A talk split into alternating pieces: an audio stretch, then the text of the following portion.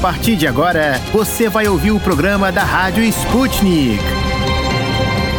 Saudações, estimados ouvintes! Com vocês, eu, Luísa Ramos e minha amiga Francine Augusto. Nós estamos aqui na Rádio Sputnik para deixar todos vocês muito bem informados. Não é isso, Fran? Isso mesmo, Lu. Olá, ouvintes! Gostaria de dar as boas-vindas a vocês que já estão ligados na gente nesta sexta-feira, 11 de fevereiro. E para fechar a semana com o pé direito, vamos contar umas novidades que estão estão sendo discutidas nos quatro cantos do mundo, a começar pelo Brasil. Verdade, até porque na quinta-feira, dia 10, a Polícia Federal informou ao Supremo Tribunal Federal, STF, que uma milícia digital usa a estrutura do chamado Gabinete do Ódio. O Gabinete do Ódio nada mais é do que o nome dado ao grupo que seria formado por aliados do presidente Jair Bolsonaro, que atuaria até mesmo dentro do Palácio do Planalto. A revelação consta em um relatório parcial elaborado pela delegada Denise Dias Rosa Ribeiro e encaminhado ao ministro do STF, Alexandre de Moraes. No relatório, especifica-se que a ação do grupo seria orquestrada para difundir desinformação e atacar pessoas nas redes sociais, deturpando dados para obter ganhos políticos, ideológicos e financeiros. A autora do documento afirma que a suposta organização visa adversários políticos, ministros do STF, integrantes do governo e dissidentes, por manipular dados e confundir os limites entre crimes contra a honra e a liberdade de expressão. O gabinete do ódio com certeza não vai sair de pauta, ouvintes. Agora, nos Estados Unidos, o que não sai da pauta por lá é a Ucrânia. Em entrevista à NBC News, divulgada na quinta-feira, dia 10, o presidente dos Estados Unidos, Joe Biden, pediu aos americanos que estão na Ucrânia que saiam de lá imediatamente em meio às tensões na região.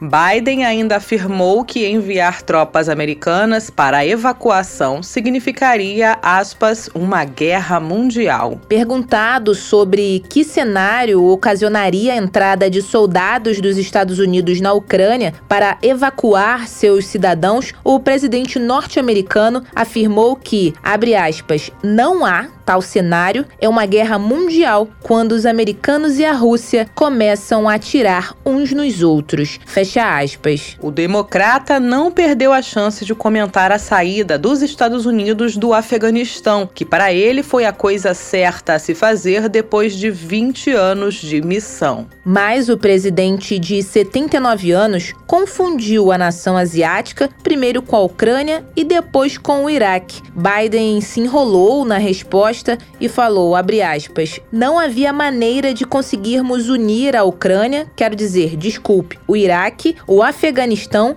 isso não aconteceria de jeito nenhum. Fecha aspas. E esta sexta-feira, 11 de fevereiro, é marcada pelo quarto encontro ministerial do Diálogo de Segurança Quadrilateral, o Grupo Quad, constituído por Austrália, Índia, Japão e Estados Unidos. O evento conta com a presença dos chanceleres dos quatro países de Melbourne. Os ministros do grupo informal se comprometem a trabalhar em ajuda humanitária, terrorismo, segurança cibernética e marítima e os desafios de cadeias de suprimentos globais. Apesar de estar fora do âmbito do grupo, a crise entre o Ocidente e a Rússia, devido à Ucrânia, também está na agenda. O secretário de Estado norte-americano, Anthony Blinken, qualificou as ações de Moscou como desafio à ordem internacional, ordem que, segundo ele, o Quad trabalha para preservar. Na abertura da reunião, o secretário discursou que, abre aspas, isso inclui a defesa dos direitos de todos os países de escolher seu próprio caminho, livre de coerção, e o direito de sua soberania e integridade territorial serem respeitadas, seja aqui no Indo-Pacífico, na Europa ou em qualquer outro lugar do mundo. Fecha aspas. Ainda sobre a Rússia, tudo indica que a União Europeia está querendo colocar os russos em uma lista de restrições. Segundo o jornal Eu Observe, a União Europeia estaria se preparando para incluir a Rússia na chamada lista cinza de paraísos fiscais. A lista seria extensa, podendo incluir de 15 a 25 jurisdições. Além da Rússia, incluiria Israel, Bermudas e Ilhas Virgens Britânicas. A nova redação da lista supostamente deve ser aprovada em 24 de fevereiro na sessão do Conselho Europeu. Uma representante da organização internacional Oxfam contou ao veículo de imprensa que a revisão da lista de países está ligada às mudanças nos critérios da União Europeia. Existem dois documentos elaborados pelos serviços europeus: a lista negra, que inclui os países que se recusam a trabalhar com a União Europeia no âmbito da tributação e política fiscal, e a lista cinza, que inclui as jurisdições que se comprometeram a corrigir a sua política tributária. Depois desse giro pelo mundo, nada melhor do que conferir o que preparamos para vocês no programa de hoje. Vamos nessa? E no programa de hoje. No Destrinchando a Charada Brasil, falaremos sobre o futuro do Pix e a possibilidade do fim da gratuidade do sistema de pagamento. No Esqueceram de Mim em Portugal, vamos entender por que o país lusitano caiu no índice da democracia. No Bombando no YouTube, traremos o vídeo sobre os planos da França para aumento da produção de energia nuclear. Destrinchando a charada internacional, vamos compreender o que significa na prática para o setor de turismo o Brasil ter sido citado como o oitavo país mais hospitaleiro do mundo. O Hora do Problema vai contar a história do recifiense que deu um giro pela Rússia para ver uma partida da Copa do Mundo. Destrinchando a charada de dentro e fora do Brasil. Política, economia, sociedade e tudo que engloba o maior país da América Latina. As charadas mais complicadas do Brasil são destrinchadas aqui.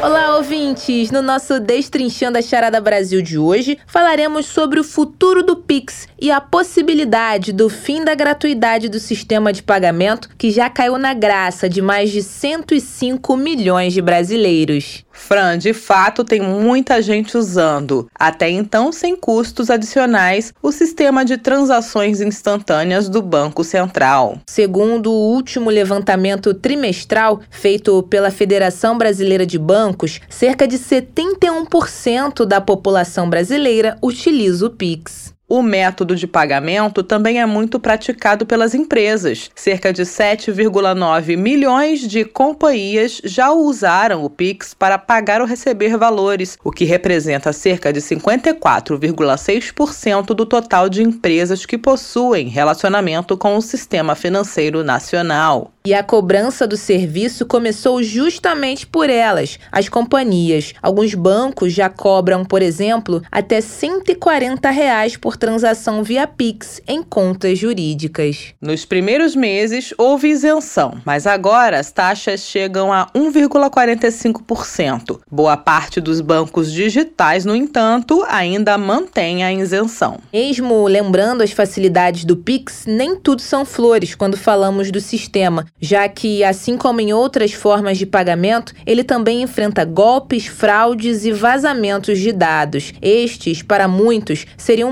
motivos que poderiam justificar uma futura cobrança também para pessoas físicas. Apesar desta possibilidade, o Banco Central sugere a gratuidade do Pix para pessoas físicas, ficando a cargo de cada plataforma definir se cobrará taxas ou não para os respectivos clientes, ou seja, está nas mãos dos bancos cobrar ou não pelo serviço. Para discutir ainda mais o tema, a gente convida agora o Jorge Kreining. Ele é diretor regional da Russell Bedford Brasil, especialista em gestão de gerenciamento de riscos com foco em instituições financeiras. Olá, Jorge, muito obrigada por conversar com a Rádio Sputnik. Como que você vê essa possível cobrança na modalidade? Você acha que os usuários deixariam de utilizar o serviço? Em relação à cobrança do Pix, é algo que já estaria sendo esperado assim como o TED e o DOC, enfim, as instituições em algum momento demandariam o repasse dos custos para os seus clientes, mas muitas empresas aí que estão aí com a obrigatoriedade de cobrança, demonstram ainda uma satisfação enorme com o Pix em função aí do aumento de vendas e em função da facilidade da cobrança, do pagamento funcionando 24 horas. Portanto, né, a cobrança ela é necessária, mas não está ligada à segurança. As instituições devem, com esses recursos, né, independente da cobrança do Pix, elas precisam investir obrigatoriamente em ações preventivas, como mencionado anteriormente, e também em mecanismos de cada vez mais conseguir antecipar os fraudadores e também a questão aí da educação dos usuários. Os usuários também são grandes responsáveis no sentido aí de não cair em golpes, identificar esse tipo de situação. Então, o investimento no momento que a instituição bancária ela cobra, reforça aí a obrigatoriedade dela investir aí em mecanismos preventivos e de detecção. Acredito que ainda é alvo de muita insegurança para centenas, milhares de usuários por se tratar de algo novo e considero aí, não só eu quanto vários especialistas, né, o Pix revolucionou as movimentações bancárias através aí da utilização da tecnologia, aí trazendo muita facilidade para os usuários. Então, tudo que é novo e que traz a tecnologia como carro-chefe acaba trazendo consigo muita insegurança, né, e muitas novidades. Em questões de segundos, é possível realizar transferências, pagamentos sem cobrança de taxa. Então, da mesma forma que trouxe facilidades, o Pix aí acabou se tornando alvo aí normal à medida que a tecnologia avança, a forma e os meios dos golpistas e fraudadores praticarem seus atos aumenta consideravelmente. E se preparem, a gente costuma aí sempre né, dar um alerta, né, não é promover o caos, mas ao longo prazo, a médio, diria a médio e longo prazo, o Pix vai continuar sendo alvo de ataques e fraudes. E cada vez mais, repito, as instituições, tanto as instituições financeiras bancárias quanto nós, usuários, pessoas físicas, temos a obrigação de nos situarmos, de entendermos, de estarmos ligados ao golpe do WhatsApp clonado, questões aí também envolvendo o perfil falso do WhatsApp, falsas centrais de atendimento. A gente precisa cada vez mais entender que esse tipo de prática ilícita será muito ainda utilizado pelos golpistas e fraudadores. Jorge, esta semana senadores apresentaram um projeto de lei para aumentar a segurança do Pix. Seria a Lei de segurança do serviço. A ideia é criar mecanismos que permitam a rápida recuperação de valores transferidos por meio de fraude. O que vem sendo feito quanto a isso pelo Banco Central? O Banco Central vem adotando medidas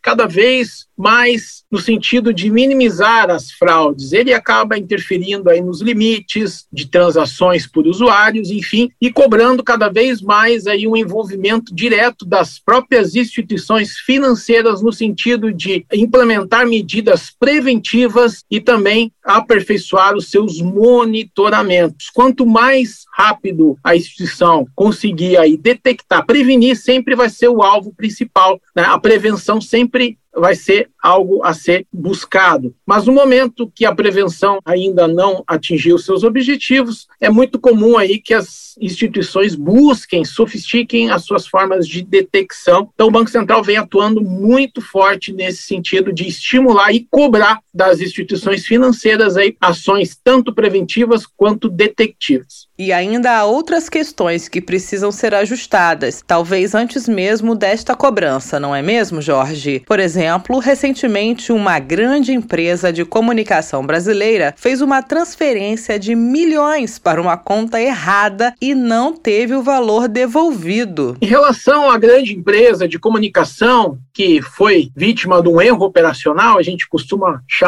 isso de risco operacional, o PIX, né, o famoso PIX errado, e a pessoa em questão não devolveu. A gente sabe aí que já existe um mecanismo especial de devolução, o MED do PIX, né, que pode ser acionado tanto pela instituição financeira bancária como pela vítima do suposto golpe. No caso aqui, um erro pode trazer consequências desastrosas, como foi o caso dessa empresa, e o caso, é óbvio, foi parar na justiça. Então, cada vez mais as empresas vão precisar reforçar os seus processos, né, as áreas financeiras vão ter que se acostumar aí com a figura dos controles internos e aí controles feito e conferido devem ser implementados e cuidados devem ser reforçados. E também a questão da legislação no momento que esse Pix cai numa conta aí de um terceiro esse terceiro também pode aí sofrer algum tipo de contestação, enfim, tem uma responsabilidade aí de cada um de nós no sentido de devolução aí de valores que não são nossos. Então a gente tem que ter muito cuidado aí. A gente costuma dar algumas sugestões, né? Uh, monitorem as suas contas, cuidado, né, com esse tipo de situação, mas a gente percebe aí que muitos ajustes ainda precisam ser praticados. Jorge, muito obrigada por conversar conosco. Este foi o Jorge Krenin, diretor regional da Russell Bedford Brasil. Ele é especialista em gestão e gerenciamento de riscos com foco em instituições financeiras. Agora, para avaliar outras questões sobre o futuro do Pix, a gente chama o Fábio Pesavento, economista e professor da ESPM de Porto Alegre. Oi, Fábio, agradecemos sua participação. Professor, na sua opinião, essa cobrança atualmente efetuada apenas entre as empresas empresas vai acontecer também com as pessoas físicas? Desde o início, o Banco Central falou que pessoa jurídica ia pagar o PIX em algum momento, né? Então, ou não pagar, né? Autorizar os as instituições financeiras que realizarem serviço a cobrarem, né, dos seus clientes. Então isso já estava na regra do jogo, digamos assim, não pegou ninguém de surpresa. Mas claro que sempre vem aquela dúvida, tá, e pessoa física, o consumidor ali, será que vai ter que pagar também quando usar o Pix? A minha resposta é que provavelmente não, porque é um serviço que ampliou a possibilidade da sociedade, especialmente com a que tem a sociedade, a parte da sociedade que tem menos recursos, a realizar transações econômicas de maneira mais rápida e mais barata. E de novo, né, quando tu vê o número de chaves cadastradas, quando tu vê o crescimento da aceitação do Pix como meio de pagamento, realmente tu vê o sucesso. E seria né, ir na contramão cobrar por esse serviço. Outra questão, ele foi desenvolvido pelo Estado, pelo Banco Central do Brasil, então também é uma questão assim, né, uma ferramenta que veio quase, aspas, como um bem público, digamos assim. Então, aspas, tá?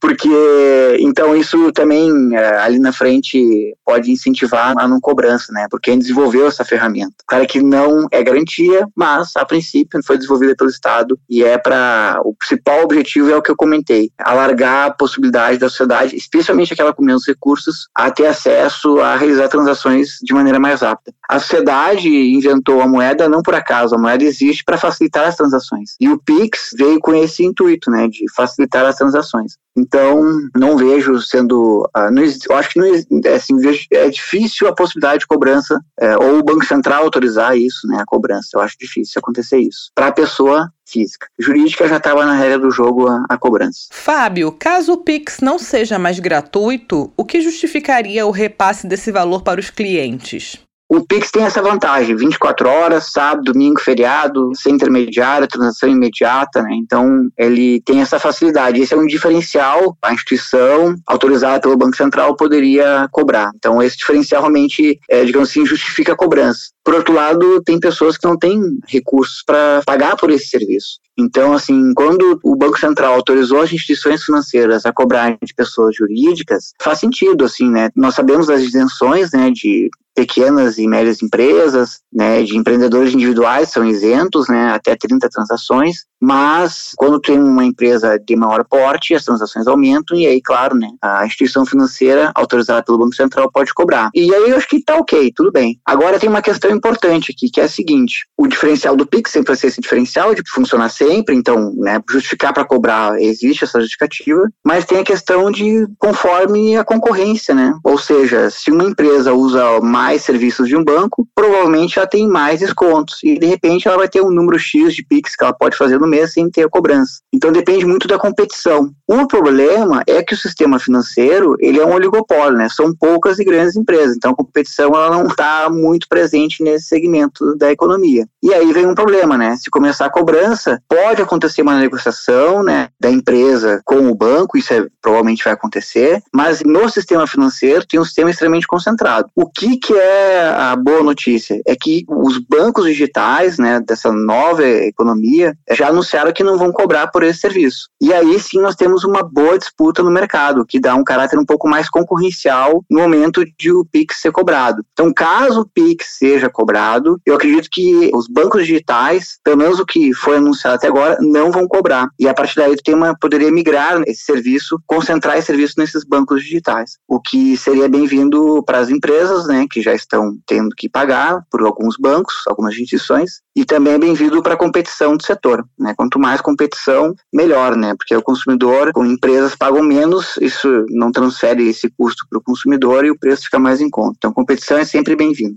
Porque assim, se o objetivo do Pix é facilitar as transações e especialmente facilitar a vida daquelas pessoas que têm menos recursos, e quando eu falo recursos, não é questão financeira, é acesso a meios digitais, enfim, é, tem menos recursos de uma maneira geral, por que o Banco Central permitir que as instituições financeiras cobrem? Não faz sentido. Por isso que eu falei, aspas, é um bem público, né? Então poderia permanecer gratuito, né? Para o bem da economia. Quantas informações o Banco Central, a Receita vai ter acesso agora, a partir dessas transações que até então não aconteciam no Pix e agora acontece. Então também tem um lado positivo para o Estado, né? Então, realmente, como eu falei, as vantagens são, para todos os agentes envolvidos, é, são maiores que as desvantagens, embora elas existam, como eu comentei. Podemos dizer que o Pix, apesar dos inúmeros casos de fraudes, veio para ficar de vez, sendo cobrado ou não? Eu acho que sim. Eu acho que essas transações por meio digital é, são um futuro. Que nem eu falei, tu esquece a carteira, tu esquece a chave do carro, tu esquece o boné, o óculos de sol, tu esquece o protetor solar, mas tu não esquece o celular.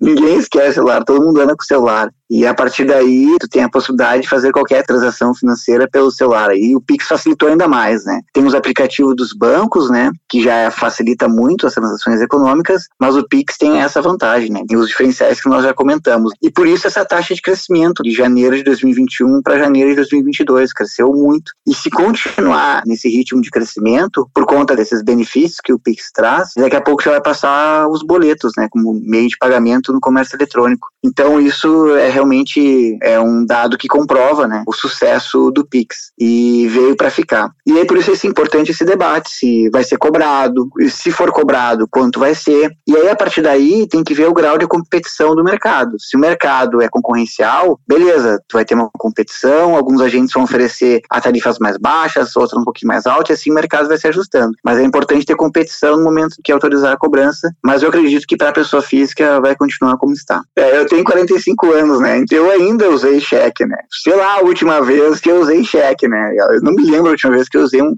que eu peguei talão de cheque. Mas, enfim, as transações com cheque realmente reduziram muito, né? E os meios digitais supriram, né? Inclusive o papel moeda, né? Que a gente tá falando do Lobo Guará, né? Eu nunca peguei o Lobo Guará, não vi e provavelmente não vou ver.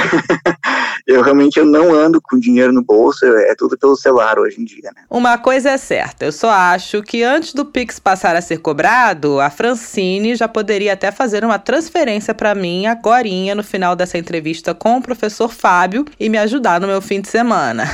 com certeza, Lu, você merece. A gente conversou com o Fábio Pesavento, economista e professor da ISPM de Porto Alegre. Agora que eu já garanti o meu Pix, queridos ouvintes, em plena sexta-feira, o nosso Destrinchando a Charada Brasil vai ficando por aqui. Até a próxima!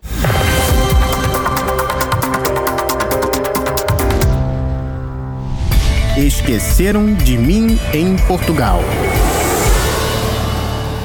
Senhoras e senhores passageiros, apertem os cintos de segurança porque estamos prestes a decolar rumo a Portugal. A tripulação Sputnik Brasil deseja a todos uma ótima viagem.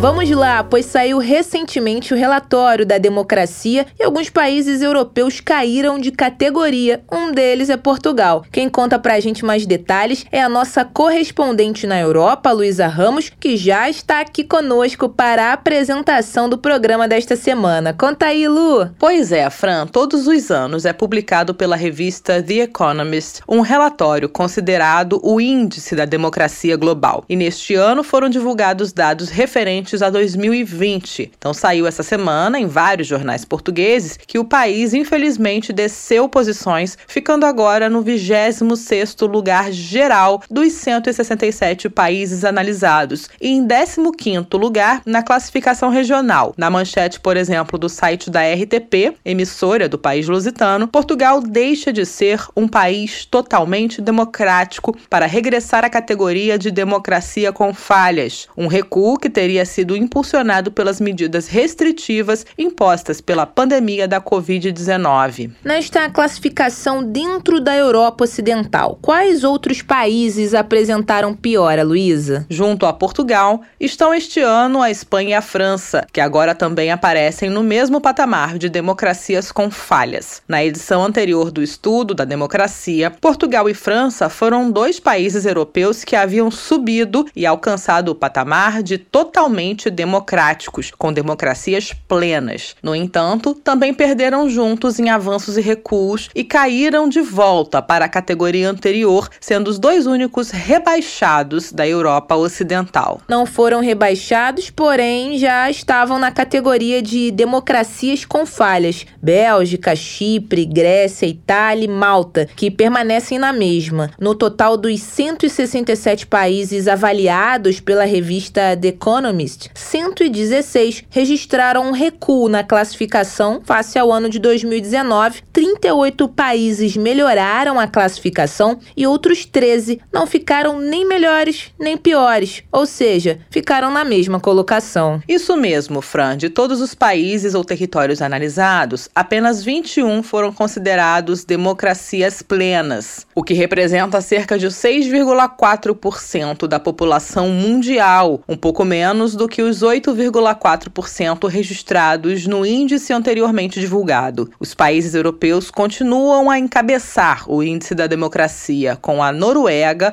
como o país mais democrático do mundo, seguido pela Nova Zelândia, Finlândia, Suécia, Islândia, Dinamarca, Irlanda, Taiwan e Suíça. A The Economist salientou que as conclusões continuam a refletir os impactos negativos lá da pandemia desde o início em 2020, referindo-se que a Covid-19 acabou resultando na retirada sem precedentes das liberdades civis entre as democracias desenvolvidas e regimes autoritários, com as medidas tomadas pelos diversos governos, como por exemplo os fechamentos totais, né, os lockdowns e as restrições às viagens com os bloqueios de fronteiras. O Brasil não vai muito bem nesta avaliação também não, caros ouvintes. Aliás, nenhum país lusófono é considerado democracia plena pelo índice, e não existe atualmente nenhum único país de língua portuguesa bem avaliado pelo ranking da revista. Curioso foi que o Brasil subiu da posição 52 para 49, mas se mantém na mesma categoria de democracia com falhas. No ano passado, um outro índice do relatório Variações da Democracia, ligado à Universidade de Gotemburgo, na Suécia, mostrou que o Brasil foi o quarto país que mais se afastou da democracia em 2020, em um ranking de 202 países analisados. E esse tipo de avaliação é importante, pois pode ser um instrumento usado por investidores e pesquisadores para definir prioridades de ações e investimentos em diversas áreas. Por isso ficamos sempre de olho por aqui na Sputnik. Obrigada pelo resumo, Lu.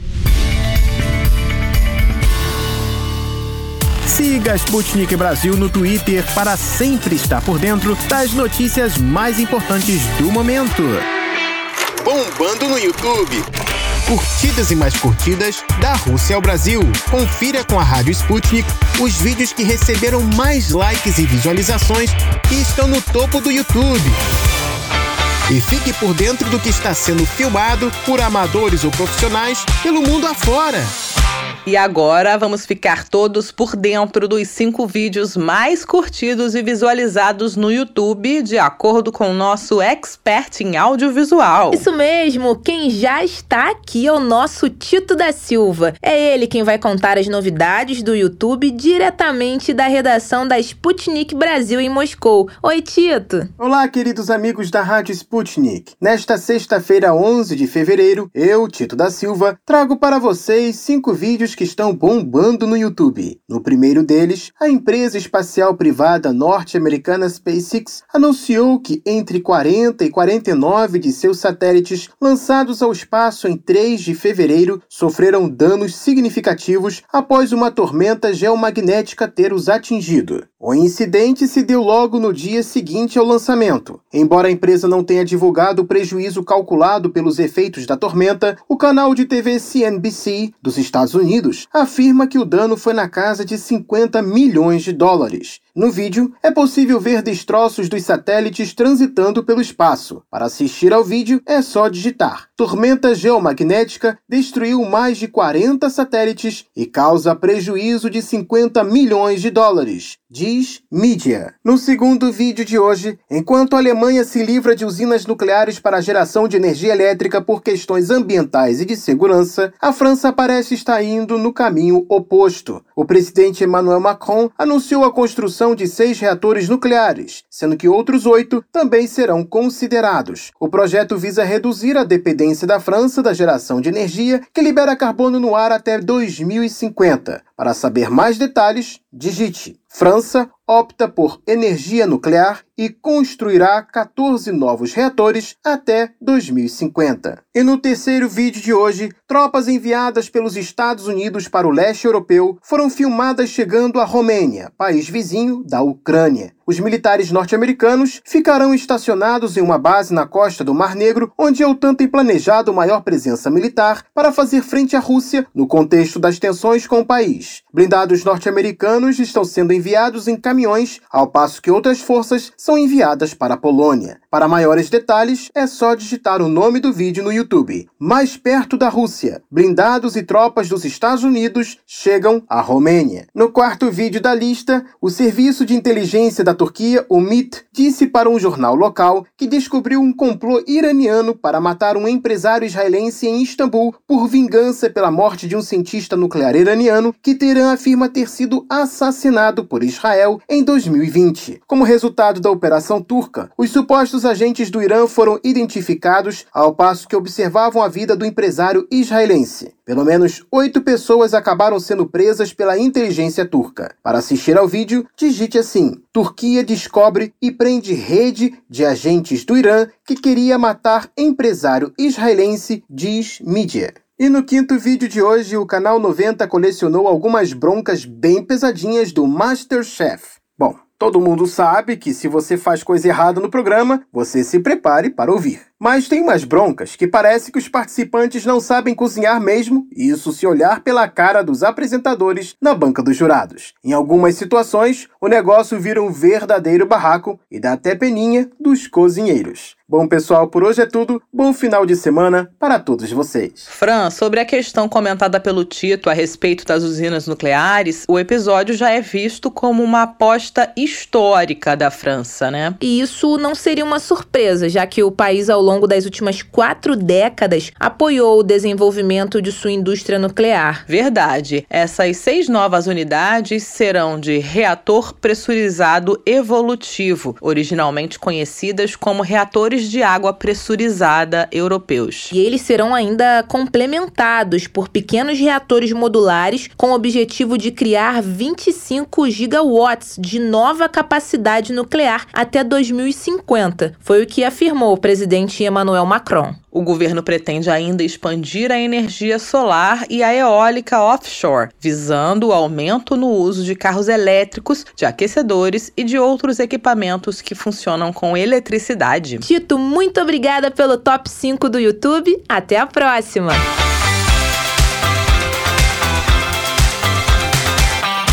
Destrinchando a charada. Encruzilhada Internacional relações políticas, socioeconômicas e muito mais entre as nações deste mundão. Da Rússia aos Estados Unidos. Encontre com a gente as respostas às perguntas do momento.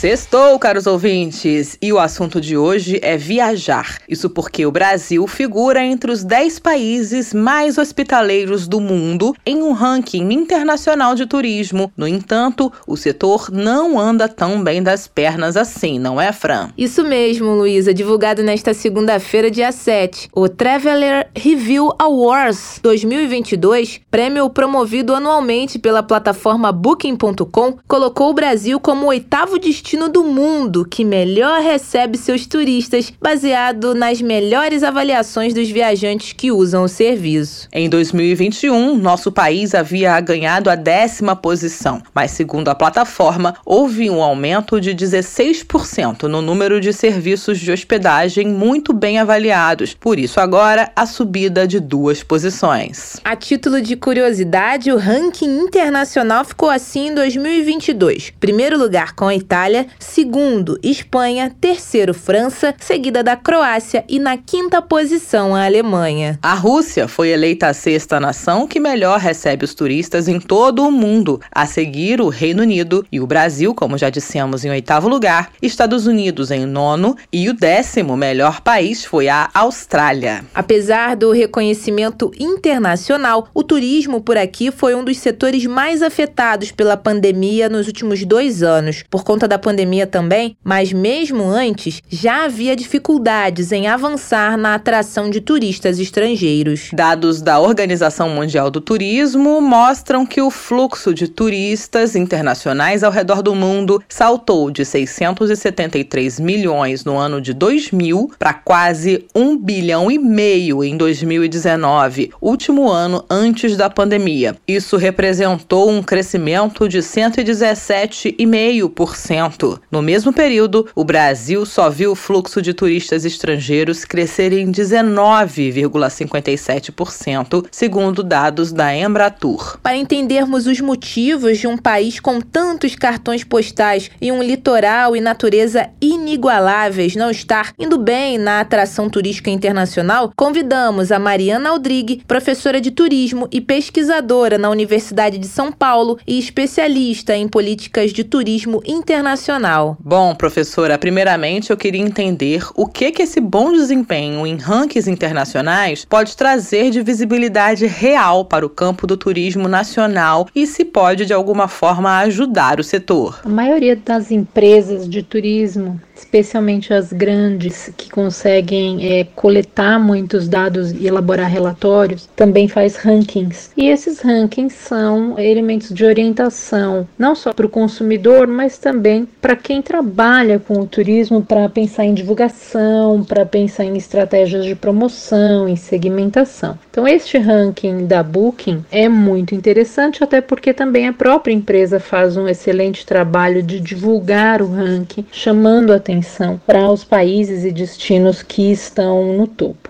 Então, todos nós em algum momento temos interesse e curiosidade em saber quais os melhores destinos, os mais baratos, mais atraentes, os mais curiosos, enfim. Então, todo tipo de ranqueamento aguça uma curiosidade do turista e é sempre bom figurar nesses rankings para que mais pessoas possam saber o que existe em determinado país. Na Europa, o movimento atual é de reabertura de fronteiras e flexibilização de medidas restritivas em um cenário já chamado de pós-pandêmico. Segundo a avaliação das Nações Unidas, especialmente Grécia, Itália e Espanha têm sido os mais beneficiados, pois são países cujos setores turísticos representam um peso significativo de suas contas internas. Professora, como podemos explicar essa tendência que se repete no Brasil, sendo que até mesmo países que tiveram muitos casos de Covid-19, como os Estados Unidos, Unidos e países europeus estão já sentindo uma melhora no setor do turismo. É muito importante que quem esteja nos ouvindo compreenda que, do ponto de vista de um turista internacional, especialmente aquele que mora na Europa ou nos Estados Unidos, o Brasil é irrelevante. E por Por que, que é importante a gente entender essa irrelevância? Porque a competição pela atenção desses mercados ela é acirradíssima. Então, todos os produtos e destinos do mundo vão investir pesado na propaganda, na publicidade, nas ações de parcerias, por exemplo, com produção de filmes, para atrair o turista que mora nos países mais ricos pelo padrão de consumo desses países. Dessa forma, o Brasil, além de estar tá competindo com muitos outros países, tem tido já há alguns anos um problema sério de imagem. Então, é muito difícil fazer uma análise restrita só à pandemia, porque a imagem internacional do Brasil já vinha em decadência e com a pandemia ela só piorou, ela solidificou uma série de conceitos e preconceitos em relação ao turismo, de modo que o desafio que se coloca a partir de agora, especialmente a partir do ano que vem, com a provável e desejável mudança de governo, é muito grande. As posturas nas relações internacionais e dos nossos líderes afetam muito a imagem do país, inclusive em setores que muitas das vezes nem imaginamos, como o turismo. Ô Mariana, como que o Ministério do Turismo poderia agir de forma mais eficaz para melhorar o setor e a imagem do nosso país como destino turístico internacionalmente neste momento? É muito importante também a gente entender que a imagem de um destino ela não é criada em uma única campanha de marketing ou em um projeto de três ou quatro meses. A gente é orientado ao longo da nossa vida a prestar mais ou menos atenção a alguns lugares. Então nós vamos formando nossos desejos lá desde pequeno e conforme o tempo vai passando a gente vai estabelecendo filtros e acrescentando outras coisas. Então, por exemplo, o destino Estados Unidos é um destino quase que invencível na mentalidade do consumidor brasileiro padrão de turismo, seguido pelos destinos europeus, né? E aí, claro, conforme outros destinos vão surgindo, eles vão furando algumas bolhas e criando espaço, como foi o caso agora de Maldivas, a gente já teve o espaço da Tailândia em algum momento, o Peru já fez muitas ações com a gente, o Egito está fazendo coisa interessante. Então, não se trata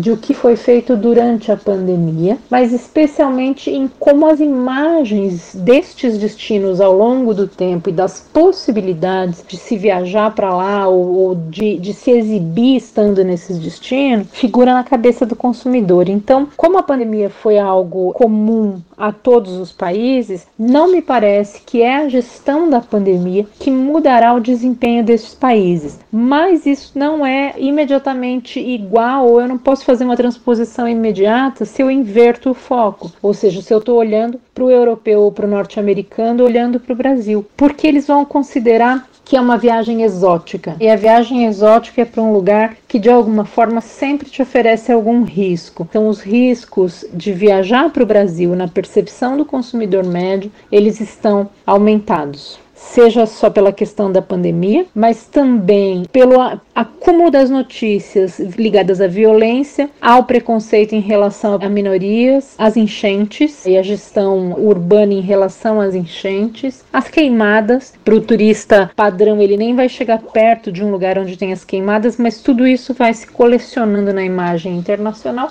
e a gente vai se afastando da cesta de compras desse turista. Interessante a análise, professora. Agora vamos citar aqui, por exemplo, Portugal, que é um país que viu uma grande demanda de turismo interno no segundo trimestre de 2021. Segundo o Instituto Nacional de Estatística, houve um aumento de 84% face ao mesmo período de 2020, quando o lockdown foi mais restrito. O atual ministro do Turismo, Gilson Machado Neto, falou em entrevista à TV Globo nesta quinta-feira, dia 10, ser a favor da retomada de cruzeiros suspensos temporariamente no Brasil e em diversos diversos países depois de casos de contaminação em massa por Covid-19 no final do ano. Como podemos analisar o turismo interno ao longo dos últimos dois anos e as ações de gestão do governo neste sentido, professora? Pelo tamanho do Brasil, o turismo interno, obviamente, foi muito importante e foi o que sustentou a preservação dos empregos e das empresas durante os primeiros oito meses de pandemia ali em 2020. Os impactos de março a setembro de 2020 foram muito difíceis, depois, quando se consolida a segunda onda, de novo a gente tem perdas significativas, e aí já com a estabilização da vacinação em julho de 2021, o crescente volume de pessoas viajando e de gastos, também de retomada de empregos. Mas não dá para apontar uma ação que tenha sido extremamente bem sucedida, especialmente por parte do poder público. Muito ao contrário, o que a gente viu foi uma inércia e uma ausência de propostas é, coordenadas e razoáveis para ou deixar preparada uma campanha internacional, ou trabalhar qualificação, ou pensar em infraestrutura. Não só não foi feito nada, como para piorar a gente retrocedeu, né? Então, mais recentemente, a gente teve aí uma elevação da carga tributária sobre a venda de produtos turísticos para brasileiros que desejam ir para o exterior. Então, isso tira a competitividade das empresas brasileiras. É muito triste olhar para o nada que foi a gestão do Ministério do Turismo no momento. Eu queria entender também as implicações diretas da pandemia na escolha dos turistas internacionais pelo Brasil e até por outros países latinos, professora, sendo que a Argentina, por exemplo, é o país número um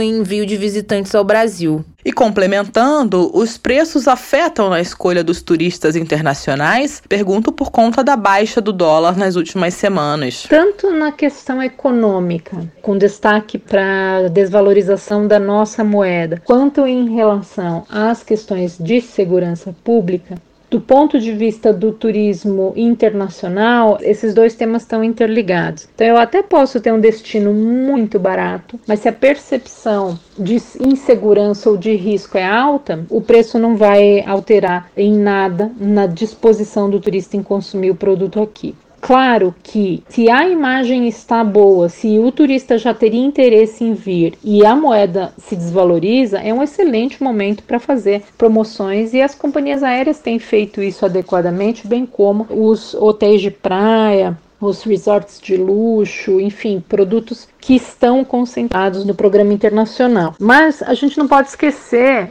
que, apesar do avanço da nossa vacinação, até isso é mal comunicado internacionalmente. Então, os Estados Unidos, por exemplo, aumentaram, restringiram, na verdade, a recomendação. Eles aumentaram o alerta para as viagens ao Brasil. Eles pedem aos seus cidadãos que não viajem ao Brasil ou que viajem sabendo que o risco é alto, mesmo que nós saibamos aqui que a nossa situação de vacinação e de contaminação é mais segura que dos Estados Unidos. Então, de novo, o que importa é a mensagem mensagem. E não há também como ignorar o fato de que a possibilidade de uma nova variante aparecer é está colocada e aí as fronteiras podem ser fechadas a qualquer momento. Então, em quase todos os países, tem havido uma redução das viagens internacionais do tipo que é a que vinha uh, ah, para o Brasil, que é especialmente a viagem de lazer. Então, nossa saída continua sendo o fortalecimento do mercado interno e, quem sabe, a promoção para os nossos vizinhos do Mercosul, principalmente. Qual o maior desafio do Brasil no cenário internacional atual para o setor do turismo, Mariana? Temos solução? De maneira geral, o desafio para a gestão do turismo brasileiro não é algo de uma solução simplificada ou de um único projeto ele passa necessariamente pela composição de equipes competentes e que tenham um histórico de trabalho de turismo e que compreendam o papel do turismo na economia e em como é de fato o papel do Brasil no turismo mundial. Então, nós não somos nem um pouco relevantes. Essa entrada de 6 milhões de turistas, ela tende a ser risível quando a gente compara com outros grandes destinos. Ao deixarmos de ser competentes competitivos, ou seja, para que a operação de grandes empresas no Brasil seja viável há que se mudar algumas regras e está acontecendo tudo ao contrário. Então, o Congresso Nacional, com o apoio do Ministério da Economia, sobretaxando o setor e inviabilizando a operação, vai deixando ainda mais complicado. E empresas que tenham interesse em investir em turismo, ao comparar, por exemplo, o Brasil, o Chile, a Colômbia ou o Peru, vão ver que não vale a pena no momento investir aqui pelos riscos de ter a sua atividade comprometida justamente por essas alterações nas políticas tributárias e econômicas. Então, para os próximos meses e anos, o que a gente precisa é de renovação intelectual na gestão, tanto nacional quanto nos estados. A gente precisa de projetos mais viáveis, economicamente falando, e atuais, com muito uso de tecnologia. E, obviamente, muita construção e muito trabalho na recuperação da imagem internacional do país. Isso sendo feito não só por meio de propaganda, mas, claro, por políticas internas de promoção de qualidade de vida e bem-estar social, porque é assim que a gente vai se mostrar para o mundo, como já fizemos em momentos anteriores, há cerca de 10 anos a gente tinha o Brasil muito bem na foto internacional, a gente precisa recuperar esse espaço. Agradecemos mais uma vez pelas análises e explicações. Professora de turismo e pesquisadora na USP, ela é especialista em políticas de turismo internacional.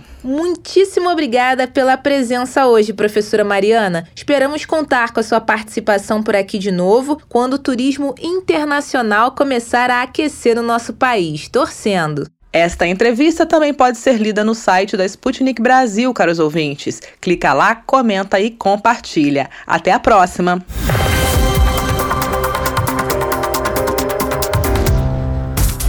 Hora do problema. Sabe aquela história que é melhor nem contar de tão complicada que é? Perrengue na Rússia, sufoco no Brasil e muito mais. Sente aí que lá vem história.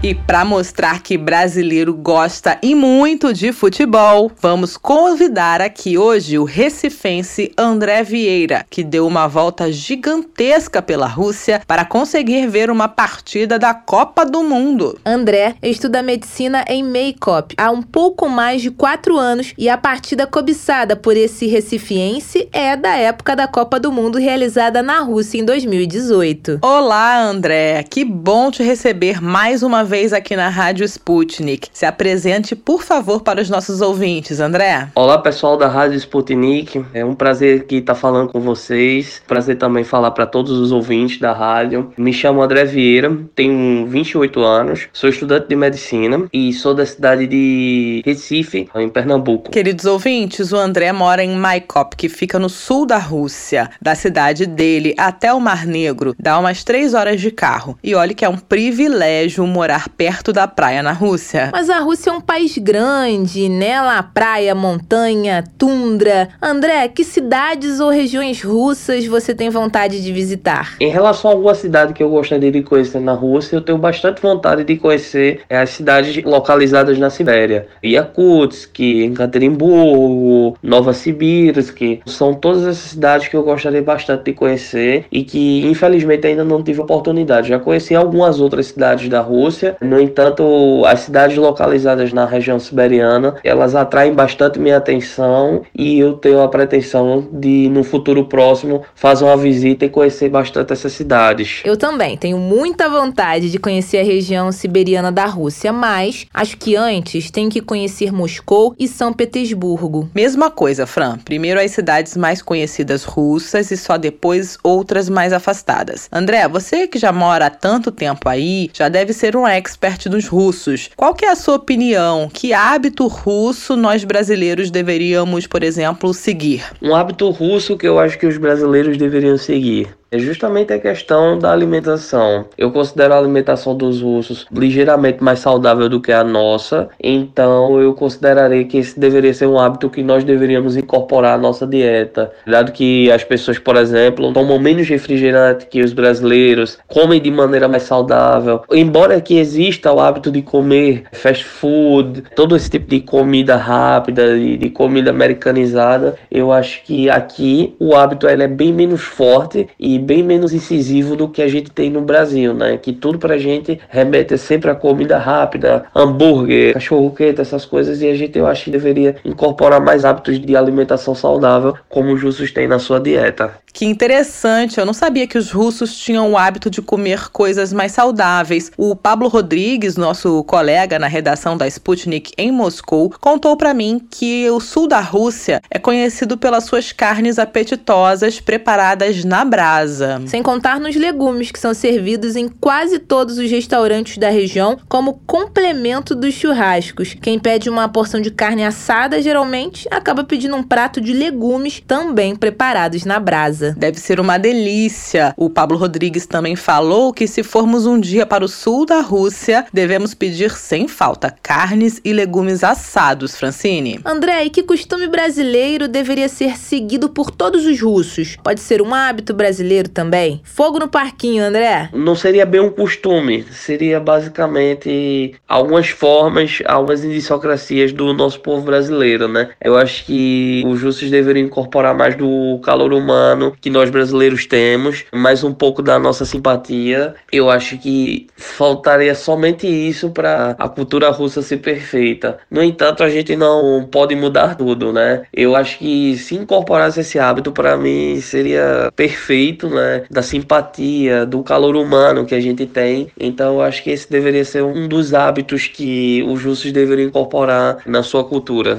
Ai, André, o calor brasileiro tá em falta no mundo todo, viu? Acho que eu vou sugerir para o governo registrar em cartório a nossa simpatia e exportar para os países carentes de calor brasileiro. O que você acha? Nossa, Fran, fechou. André, conta aí para os nossos ouvintes qual foi a partida de futebol que fez você sair da sua cidade para ir correndo assistir. Aconteceu comigo há três anos atrás, na última Copa do Mundo, em que a seleção da Espanha havia um atleta brasileiro que jogava na seleção da Espanha. Ele conseguiu me dar alguns ingressos para eu rever esse jogo. No entanto, eu estava aqui em Maikop e para chegar até Kazan no dia da partida seria muito difícil. Então eu tive que ir até Moscou e de Moscou eu fui tentar a sorte. Sendo que ao chegar em Moscou não havia nenhuma passagem para Kazan. Então o que eu fiz? Fui procurar no aplicativo de carona e um amigo meu conseguiu um contato de uma pessoa do Azerbaijão que estava saindo de Moscou até Kazan nesse dia. Então foram 12 horas que dentro do carro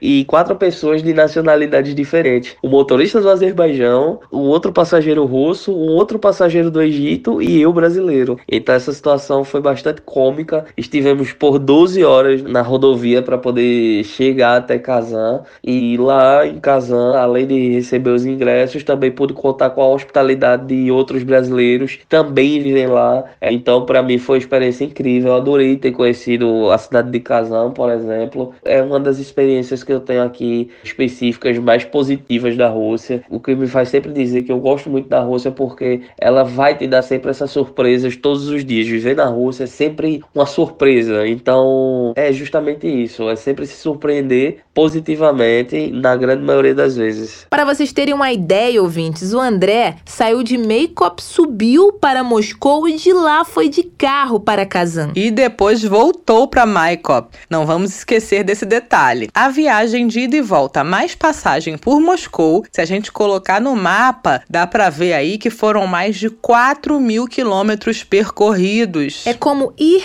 e voltar de Natal até Belo Horizonte, caros ouvintes. E tudo isso para ver uma partida entre Espanha e Irã. André, você deve gostar demais de futebol. Ah, mas era a Copa do Mundo, né? Se alguém tivesse me oferecido ingressos para uma partida, eu teria ido com certeza, linda e bela. Muito bem, André. Conversamos com o estudante de medicina André Vieira, que mora há mais de quatro anos em Meikop, na Rússia. André, muito obrigada pelo bate-papo. É, eu quero agradecer ao pessoal da Rádio Sputnik por ter me procurado. É, agradeço bastante a oportunidade de compartilhar uma experiência. É sempre muito bom falar com os nossos compatriotas, mostrar um pouco da nossa realidade aqui, mostrar também que muitas vezes viver aqui na Rússia não é o estereótipo que os veículos tradicionais de mídia gostam de mostrar. Então é importantíssimo ter um veículo de comunicação como a Sputnik que mostra a realidade, que mostra as coisas como elas realmente são. É, agradeço mais uma vez a oportunidade a todos vocês de poder falar um pouco e também gostaria de deixar meu Instagram para poder compartilhar com vocês o meu dia a dia. Lá eu mostro um pouco da minha rotina e também de como é meu dia a dia aqui, das coisas interessantes e peculiares da rotina aqui na Rússia. Meu Instagram é André Vieira 081. Um abraço para todos vocês. Deem uma passadinha no Instagram do André Vieira, galera. Tem muita coisa bacana sobre a Rússia por lá. André, um abraço forte e tudo de bom para você.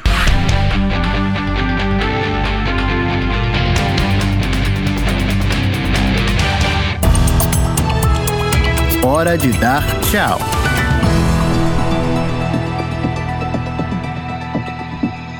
Bom, queridos ouvintes, a semana está acabando e o programa desta sexta-feira, 11 de fevereiro, também está chegando ao fim. Mas vale lembrar que quem quiser continuar ligado em toda a nossa programação, basta dar uma passadinha no site da Sputnik Brasil, br.sputniknews.com, para conferir as notícias do momento. Isso mesmo, Fran. Temos lá o nosso canal da Sputnik Brasil no YouTube. Lá tem vídeos super atuais do que está sendo discutido tanto no Brasil como no resto do mundo. Fiquem bem ligadinhos também nas informações sempre atualizadas no Twitter e no Telegram. É só procurar por Sputnik Brasil. Caros ouvintes, ficamos por aqui e aguardamos vocês para nosso próximo encontro. Podem deixar anotado. Um abraço forte! O programa da Rádio Sputnik teve apresentação, produção e edição de texto de Francine Augusto e Luísa Ramos. Produção de conteúdos e edição de texto também de Tito da Silva e Pablo Rodrigues. A edição e a montagem do programa são de Wellington Vieira e David Costa. A produção geral no Rio de Janeiro é de Everton Maia e da Angélica Fontela. E o editor-chefe da redação da Sputnik Brasil no Rio de Janeiro é Renan Lúcio e em Moscou, Konstantin Kuznetsov.